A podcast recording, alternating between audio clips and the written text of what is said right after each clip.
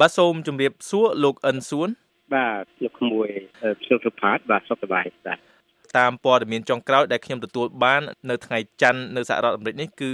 មានអ្នកដែលគេគិតថាស្លាប់នឹងយ៉ាងហោចណាស់36នាក់ហើយនឹងអាចកើនឡើងទៀតខ្ញុំចង់សួរលោកអិនសួនថាតើក្នុងចំណោមអ្នកស្លាប់នឹងលោកបានទទួលព័ត៌មានថាមានពលរដ្ឋខ្មែរដែលជាជនរងគ្រោះដែរឬទេបាទតាមដែលព័ត៌មានខ្ញុំទទួលបានហើយនឹងខ្ញុំក៏បានស៊ើបសួរអំពី បងប្អូនប្រជាពលរដ្ឋខ្មែរនៅទីនេះដូចមិនទាន់ឮអ្នកណានិយាយថាមានបងប្អូនកូនខ្មែរចូលក្នុងប្រភពជនរងគ្រោះកន្លែងនោះឡើយទេបាទលោកសុផាតបាទខ្ញុំចង់សួរថានៅពេលនោះលោកអិនសួនបានទទួលដំណឹងដំបងយ៉ាងម៉េចបាទហើយមានប្រតិកម្មយ៉ាងម៉េចដែរបាទពេលទទួលបានដំណឹងដ៏គួររន្ធត់នេះជាលើកដំបូងបាទកាពិតតាមធម្មតាយប់ថ្ងៃសុកខ្ញុំនៅយប់ជ្រៅខ្ញុំមើលទូរទស្សន៍ប្រាច់តែឃើញ ព័ត៌មានចេញសេចសាយថាមានអគិភ័យចេះនៅច្រកផ្លូវគេហៅ Fruitvale District ហើយនឹង International Boulevard Oakland ហ្នឹងខ្ញុំគិតឃើញថាអេស្មាននឹងមុនដំបូងស្មានតាមមកដុំ apartment ដែលមានខ្មែររស់នៅដែរខ្ញុំចាប់អារម្មណ៍ទៅលើបងប្អូនប្រជាពលរដ្ឋខ្មែរទីបំផុតខ្ញុំមើលទៅឃើញថាអូទីកន្លែងហ្នឹងគឺជាទីកន្លែងសម្រាប់ផ្ទុកអឺរបស់របរអីវ៉ាន់មិនមែនជាកន្លែងអាស្រ័យនៅទេ ក៏ប៉ុន្តែដល់ពើដែលមានអ្នកច្បាស់ការចេញទៅយកព័ត៌មានគេប្រាប់មកថាអូមានប្រជាពលរដ្ឋនៅនឹងដែរហើយទៅជាខ្លះទីកន្លែងនេះទៅជាស្ទូឌីអូកំពុងជប់លៀងតទៅទៀតដល់អញ្ចឹងទៅបានឃើញព័ត៌មានជាតួលេខប្រាប់ថាយ៉ាងតិចក៏មាន40នាក់អាចនឹងទៅស្លាប់ខ្ញុំខំតាមដានឃើញពេលព្រឹកថ្ងៃឃើញតែ9នាក់អញ្ចឹងហើយបងប្អូនខ្មែរ call ហៅទូរស័ព្ទខ្ញុំពីទីក្រុងចិត្តចិត្តហ្នឹងហៅមកថាតើ វាមានប៉ះពាល់ដល់បងប្អូនខ្មែរអត់ខ្ញុំក៏ប្រាប់ដូចខ្ញុំបានជម្រាបលោកសឹងសុផាតមិនចឹងដែរបាទហើយព្រឹត្តិការណ៍ហ្នឹងគឺខ្ញុំបានឃើញតាមដានក្នុងពេលយប់នឹងតែម្ដងបាទដើម្បីគ្រាន់តែបញ្ជាក់បន្ថែមដល់ប្រិយមិត្ត VOA ដែលស្ដាប់នៅប្រទេសកម្ពុជានោះដើម្បីឲ្យគាត់ជាបន្ថែមអំពីទីតាំងនៃកន្លែងក្លឹបកំសាន្តដែលបានឆេះនោះលោកអិនសួនអាចបញ្ជាក់ជូនគាត់បន្តិចថាតើក្លឹបកំសាន្តដែលបានឆេះនោះមានចម្ងាយប្រហែល ប៉ុន្មានគីឡូម៉ែត្រពីផ្ទះរបស់លោកតែម្ដងក៏ដូចជាពីតំបន់ដែលមានជនជាតិខ្មែររស់នៅច្រើនបាទព្រោះតាមដែលខ្ញុំចាំពីកាលពីខ្ញុំទៅទីក្រុងអូកឡែនកាលពីខែ9នោះគឺថាតំបន់នោះដូចជាមានជនជាតិខ្មែររស់នៅមួយចំនួនផងបាទបាទបើតាមអាមេរិកកាំងគេហៅថា Fruitvale District គឺសង្កាត់ Fruitvale ហ្នឹង ខ្មែរមានរស់នៅតាមផ្ទះល្វែងណាបាទនៅច្រើនហើយជាពិសេសទីកន្លែងនេះក៏ជាទីកន្លែងខ្មែរកន្លែងណាក៏ដឹងដែរដែលរស់នៅក្នុងអុកឡែនហ្នឹងជាពិសេសទីក្រុងអុកឡែនហ្នឹងឬមួយក៏ឈ្មោះ Lamida County បាទ កន្លែងដែលចេះហ្នឹងគឺមិនឆ្ងាយពីអឺបើនិយាយពីវត្តចាស់គ្នាខ្មែរយើងចាក់ចាប់ស្គាល់ជាងវត្តចាស់ដែលចេះហ្នឹងគឺមិនឆ្ងាយពីទីកន្លែងដែលចេះហ្នឹងប្រហែលទេប្រហែលជា1គីឡូ1គីឡូជាងណាបាទមិនជាឆ្ងាយប្រហែលទេចាដល់អញ្ចឹងទៅ សម្រាប់បើបើតែខ្ញុំរស់នៅនឹងវាឆ្ងាយបន្តិចដែរប្រហែលជា12គីឡូចុះចម្ងាយពីផ្ទះខ្ញុំដែលរស់នៅបាទហើយតែខ្ញុំចង់ជម្រាប ឲ្យបងប្អូនប្រជាពលរដ្ឋខ្មែរស្ដាប់សម្លេងថារដ្ឋអាមេរិកកាំងនឹងចង់បញ្ជាក់ថាទីកន្លែងដែលចេះនឹងគឺបងប្អូនខ្មែរដែលនៅដែលរស់នៅក្នុងទីក្រុងអូក្លែនអ្នកណាក៏ស្គាល់ដែរ district នឹងបាទបាទលោកអិនសួនជា ប្រធាននៃគណៈកម្មការវត្តអូក្លិនឬនៅទីនោះហៅថាវត្តវត្តចាស់នោះបាទដែលបានត្រូវឆេះដោយអគិភ័យផងដែរកាលពីខែកុម្ភៈក្នុងឆ្នាំនេះបាទមិនមិនយូរប៉ុន្មាននេះដែរ ទីក្រុងអូក្លិននេះមានប្រវត្តិនៃការឆេះនិងជាច្រើនលើកជាពិសេសចំពោះលោកគឺគឺបានជួបប្រទះតែម្ដងបាទដោយសារវត្តខ្មែរហ្នឹងក៏ត្រូវឆេះនៅក្នុងដើមឆ្នាំនេះផងដែរនៅមិនឆ្ងាយដោយលោកបញ្ជាក់ហ្នឹងគឺប្រហែលជាតែ1គីឡូប៉ុណ្ណោះពីទីតាំងឆេះថ្មីនេះដូច្នេះតើការឆេះនេះបង្ហាញពីរឿងចៃដន្យឬមួយការធ្វេសប្រហែសនៅក្នុងទីក្រុងនេះបាទតាក់ទងទៅនឹងការពិនិត្យមើលដូចថាសវត្ថភាពតាក់ទងអគិភ័យបាទដោយសារថាមានបទពិសោធន៍អំពីវត្តអូក្លែនដែលឆេះ យើងថាដោយសារការធ្វើប្រហែសចោះពីព្រោះអឺវត្តយើងខ្មែរយើងមិនបានជាគិតគូរពីរឿងភ្លើងអគិសនីអីធំដុំខ្ញុំជឿថាជាចៃដន្យយើងមិនបានព្រឹត្តព្រៀងនៅកលពេលនឹងឲ្យច្បាស់លាស់ឲ្យពិតប្រកបដល់អញ្ចឹងទៅភ្លើងឆេះមកគឺគ្រោះថ្នាក់នឹងវាតកតងទៅដល់វត្តអូកឡាននឹងពេលនឹងមកដល់ពេលនេះ ខ្ញុំខំតែតាមដានមែនតែនដល់ខ្ញុំមើលទីកន្លែងដែលគេបញ្ចាំងទៅតាមទូរទស្សន៍កញ្ចក់ទូរទស្សន៍មកប្រហែលថ្ងៃនេះជាប់ជាប់អឺគឺថាបញ្ចាំងរហូតដល់ចឹងទៅបងប្អូនខ្មែរយើងដែលធ្លាប់បានជួបប្រទេសឆេះវត្តហើយនឹងមានការព្រួយបារម្ភមែនទែនក៏ប៉ុន្តែគ្រាន់តែថា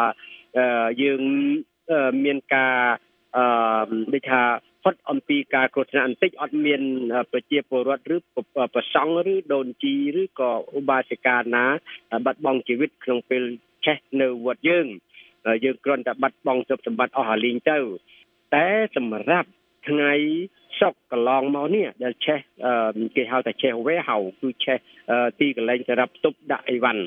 យើងឃើញមានការសោកស្ដាយមែនទែនហើយបងប្អូនប្រជាពលរដ្ឋខ្មែរចេះតែមានការត្រេកអរប្រផិតប្រផិតប្រាប់មកខ្ញុំថាអូយើងសំណាងមែនដោយសារថាវត្តយើងឆេះអស់លលីងក៏ប៉ុន្តែជីវិតយើងនៅរស់អឺបាទអញ្ចឹងបើខ្ញុំចង់បញ្ជាក់ចំពោះលោកបន្ថែមអញ្ចឹង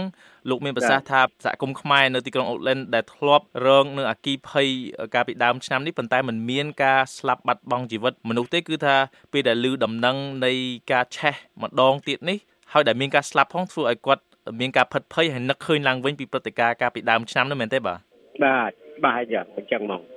បាទតកតងនឹងចំណុចនេះអ្នកស្ដាប់ VOA នៅក្នុងប្រទេសកម្ពុជាដែលនៅទីនោះឧស្សាហ៍មានព្រឹត្តិការណ៍នៃនៃអគិភ័យផងដែរនោះប្រហែលជាឆ្ងល់ថាហេតុអ្វីនៅសហរដ្ឋអាមេរិកដែលជាប្រទេសទំនើបមានអគារមានអ្វីអ្វីទំនើបទាំងអស់ទាំងសវត្ថភាពនៅក្នុងការបន្លត់អគិភ័យជាដើមផង ហេតុអ្វីបានមានគ្រោះមហន្តរាយយ៉ាងដូចនេះបាទមានការឆេះរហូតដល់មានស្លាប់មនុស្សច្រើនយ៉ាងនេះបាទបើលោកអាចបញ្យល់ដល់ប្រិយមិត្ត VOA ផងយ៉ាងម៉េចបាទខ្ញុំខ្ញុំសូមជម្រាបថារឿងនេះ ខ្ញុំមិនបានទៅឃើញផ្ទាល់នឹងភ្នែកទេប៉ុន្តែខ្ញុំតាមដានពើដ៏មានរហូត បាទគេកំពុងតាមដានម្ចាស់ដែលជួលទីកន្លែងហ្នឹងមុនដំបូងគាត់ថាគាត់ជួលសម្រាប់រស់នៅឯធម្មតាហើយគាត់ឲ្យមនុស្សហ្នឹងទៅនៅហើយច្រៀងដាក់ស្ទូឌីអូថត ចម្រៀងថតឯនៅកន្លែងហ្នឹងហើយកន្លែងហ្នឹងคล้ายទៅជាមហោស្រពយ៉ាងស្ងាត់អាកំបាំងដោយគ្មានត្រឹមត្រូវទៅតាមច្បាប់នេះបើតាមដែលក្រមសង្កេតការពើដ៏មានបាននិយាយមកបាទហើយកន្លែងនេះហើយដែលជាការឆ្វេះប្រហែសខ្ញុំថាអាញាធរក៏មិនបានស៊ើបអង្កេតដល់ ហើយអ្នកដែលជួលទីកន្លែងឲ្យប្រជាពលរដ្ឋទៅរស់នៅឬក៏ទៅធ្វើជប់លៀងអីកន្លែងហ្នឹងក៏មិនបានមានច្បាប់សម្លឹបអីឲ្យអាជ្ញាធរដឹងឲ្យច្បាស់លាស់តាមខ្ញុំដឹងណាបាទពីព្រោះថាថៃបត្តប្រទេសហ្នឹងវាមានច្បាប់សម្លឹបច្បាស់ពិតប្រកបមែនក៏នោះតែមានពួកក្រុមខលខូចទុច្ចរិតមួយយ៉ាងលួចធ្វើលួចជួលទីកន្លែងទៅអញ្ចឹងដែលមិនស្រប ត្រឹមត្រូវទៅតាមខូដច្បាប់របស់អាគីភ័យដែលមានការថែរក្សាសន្តិសុខឲ្យគ្រប់គ្រាន់ ជាពិសេសគឺខាងអគិភ័យតែម្ដងអានឹងបើតាមដែលខ្ញុំបាននឹងឃើញគឺទៅអញ្ចឹងមែនបើសិនបើទីកន្លែងនឹងជាកន្លែងមហោស្រពត្រឹមត្រូវជួលស្របច្បាប់អីត្រឹមត្រូវមានការទទួលដឹងឮពីទីក្រុងពីអាជ្ញាធរมันអាចទៅមានកិច្ចការអីកើតឡើងហើយឆេះអីស្លាប់អីភ្លាមភ្លាមអញ្ចឹងទេអានេះបើសិនជាអគិភ័យធម្មតានេះខ្ញុំជាជាយោបល់ខ្ញុំផ្ទាល់ដែលខ្ញុំបានតាមដាននៅព័ត៌មានបាទសូមអរគុណ បាទខ្ញុំចង់ងាកទៅវត្តខ្មែរអូកលិនម្ដងវិញបាទអញ្ចឹងក្រោយការឆេះក្រោយព្រឹត្តិការណ៍អគិភ័យ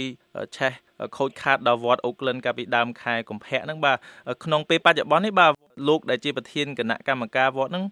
អាចជួយជម្រាបជូនប្រិយមិត្ត VOA បន្តិចថាតើវត្តខ្មែរនៅទីនោះបានរកទីតាំងថ្មីឬមួយសាងសង់អ្វីថ្មីយ៉ាងណាដែរបាទបាទសូមអរគុណបាទមកទល់ពេលនេះវត្តអូកលិនយើង ដោយសារតែពុទ្ធបរិស័ទកុសកខ្វះទីកន្លែងធ្វើបុណ្យធ្វើទានអឺរហូតគណៈកម្មការនយោបាយមាន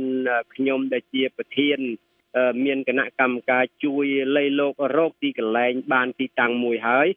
ស្ថិតនៅមិនឆ្ងាយអំពីវត្តចាស់ប៉ុន្មានទេ គឺប្រហែលជា3គីឡូឬក៏4គីឡូម៉ែត្រអំពីវត្តចាស់ប៉ុណ្ណឹងបាទដែលរស់នៅកន្លែងថ្មីឥឡូវនេះយើងបានវត្តថ្មីក៏ពិតមែនហើយឥឡូវនេះគណៈកម្មការកំពុង